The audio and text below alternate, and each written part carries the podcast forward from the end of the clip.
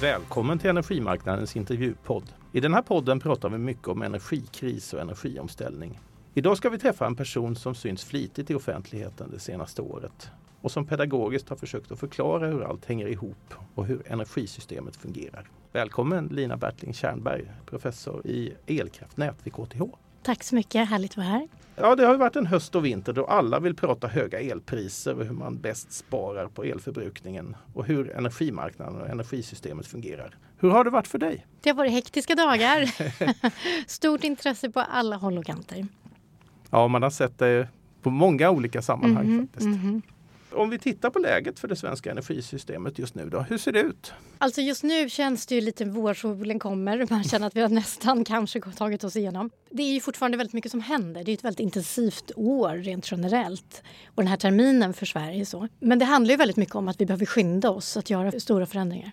Så mm. vi har bråttom, känns det som. Sverige har ju aldrig exporterat så mycket el som man har gjort på sista tiden nu. Och ändå pratar vi tidvis om en kris. Hur ska man se på det här? Det är ju väldigt mycket som händer samtidigt och det är mm. väl det som är komplicerat. Att mm vi förändrar ju portföljen för elproduktion och vi förändrar i energisystemet. Och det handlar ju dels om att uppnå våra klimatmål men också den situation vi har där man vill försöka minska import av bränslen. Så på det här viset så, så förändras ju hela flödet.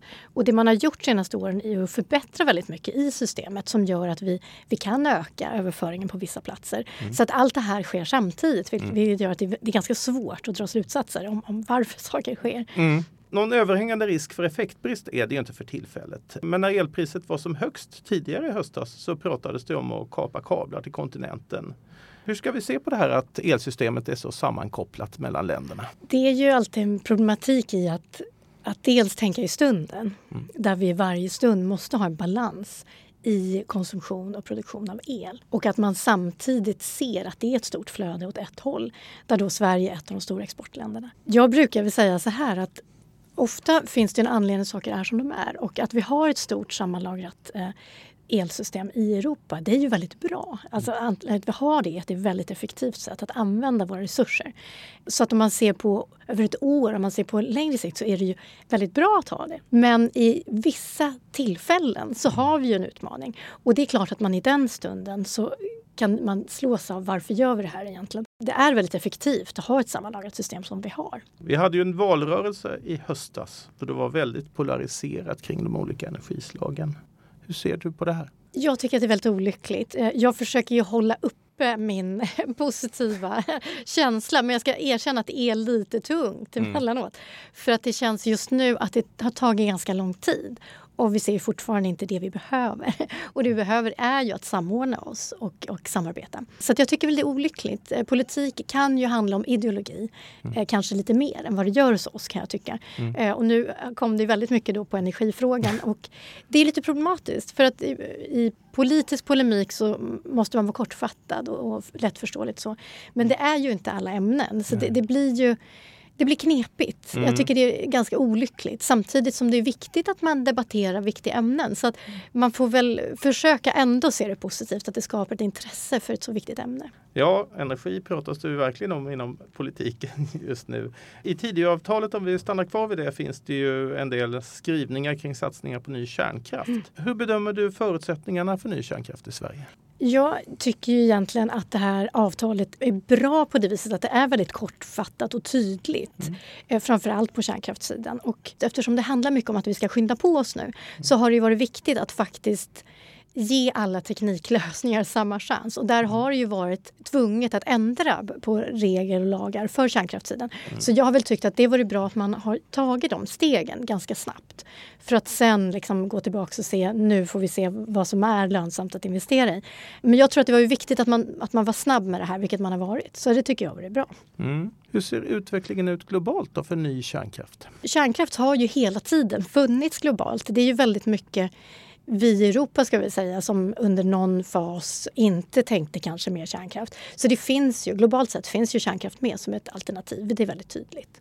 Vi pratar mycket om energikris nu här men det, det pågår ju en energiomställning mm. parallellt. Vilket energisystem behöver vi för att lyckas genomföra all den här elektrifiering som redan har inletts? Det vi behöver är ju en blandning av saker. Vi behöver ju många olika produktionsslag. Och sen så tror jag det är viktigt också att vi inte talar om, bara om el. Själv är det ju elkraftsystemet framför allt jag jobbar med. Men det nya är ju att vi måste samarbeta mellan olika eh, lösningar inom energisidan. Och i Sverige handlar det då väldigt mycket om att använda värme mm. till värme och el till el. Men jag tror att det är väldigt viktigt just det här samarbetet mellan olika sektorer. Och det är väl det också som gör att det det är mer komplext än tidigare. Men det skapar också möjligheter. Eh, vi brukar ofta kalla det flexibilitet, men att våra kunder är mer aktiva. Så vi kan använda systemet, hela energisystemet på ett mycket smartare sätt. Mm. Ska prata lite om elnät. Det har varit en diskussion om att det behövs fler kablar mellan norra och södra Sverige. Men med alla de här industrisatsningarna i norr så kanske vi behöver tänka om då. Eh, jag menar, de lär ju behöva sin el där. Hur, hur ska vi tänka kring detta? Det är ju ganska intressant eftersom vi, vi är vana vid att tänka oss Sverige som ett väldigt stort geografiskt land med överskott av el i norra delen. Och det här kommer ju bli en förändring. Svenska kraftnät lanserade en rapport förra veckan bara som, som visar nu att vi kan förvänta oss flöden eh, åt andra hållet mm. i några scenarier. Jag tycker väl så här att man ska inte styra för mycket utan om nu industrin vill etablera sig i de här områdena så ska vi väl låta det bli så. Men jag tror att det är viktigt att vi öppnar upp för att kunna bygga produktion där vi ser stort behov. Som vi har sett i södra delarna till exempel av Sverige. Industrin, de som är placerade i norra delen, kommer ju använda mer el där. Så att det kommer ju behöva byggas ut i hela landet. Mm. Du inledde med att säga att vi, har, ja, vi behöver snabba på allting. Mm. Nyligen kom ju IPCCs rapport där ju beskedet verkligen var att allt måste snabbas på. Mm. Sju år har vi på oss.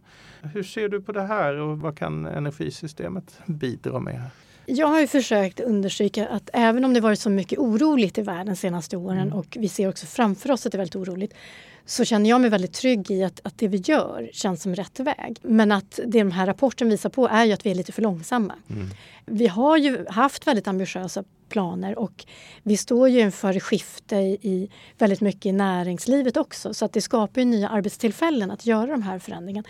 Så att jag, jag tänker väl så här att nu fortsätter vi bara så skyndar vi på det och håller, håller uppe tempot. Eftersom vi har nu mycket problematik med, med just import på bränslesidan mm. så har ju eh, förnybara energislag en väldig styrka där. Så där tycker jag att det är kanske någonting som inte talas så väldigt mycket om men, men vi bör tänka på det. Att det är ju väldigt, väldigt bra att vara oberoende mm. av bränslen. Eh, så det också ger en anledning att skynda på. Att skynda på nu framåt tillsammans, det tycker jag är väldigt viktigt att vi gör. Vilka är de viktigaste energifrågorna just nu då ur svensk synvinkel? Ja, alltså jag tycker det viktigaste är att vi, vi sätter oss ner vid bordet och, och jobbar framåt. Eh, vid något läge så får man på, på något vis bara låta saker vara och så tittar man framåt. Det är ju komplicerat här eftersom vi har marknad i vissa delar men vissa delar inte mm. marknad. Mm. Och det man har sett i Sverige är väl att på något vis har vi inte lyckats hålla någon, någon plan för landet nationellt. Mm. Där vi har sett till att vi har tillräckligt med produktion. Och det man diskuterar är väl att det kanske kunde vara bra om vi gjorde som en del andra länder. Att vi, vi pekar ut vissa områden för det kan skynda på då. Eftersom det tar tid att bygga infrastruktur. Så att jag, jag tycker nog att det viktigaste för Sverige nu det är att ha någon form av samordnande roll. Att tänka framåt långsiktigt där vi kan samverka. Mm. När är energikrisen över då? Ja, det där är lite intressant eh, diskussion. Jag tror eh, det ligger i människans natur att vi orkar inte med en kris för länge utan den försvinner. Jag tror det viktiga är väl att man gör rätt saker som är långsiktigt rätt. Så att vi investerar i saker som finns kvar. Det vi ser historiskt sett är väl att eh, investering i infrastruktur brukar löna sig. Så att jag tycker ju det att jag tror att det vore väldigt bra för oss att, att satsa ordentligt och bygga infrastruktur. För då så minskar vi nog problematiken för krisen på lång sikt. Stort tack för att du kom hit Lina. Tack så mycket. Du har lyssnat på Energimarknadens intervjupodd. Ansvarig utgivare är Kristina Kennedy.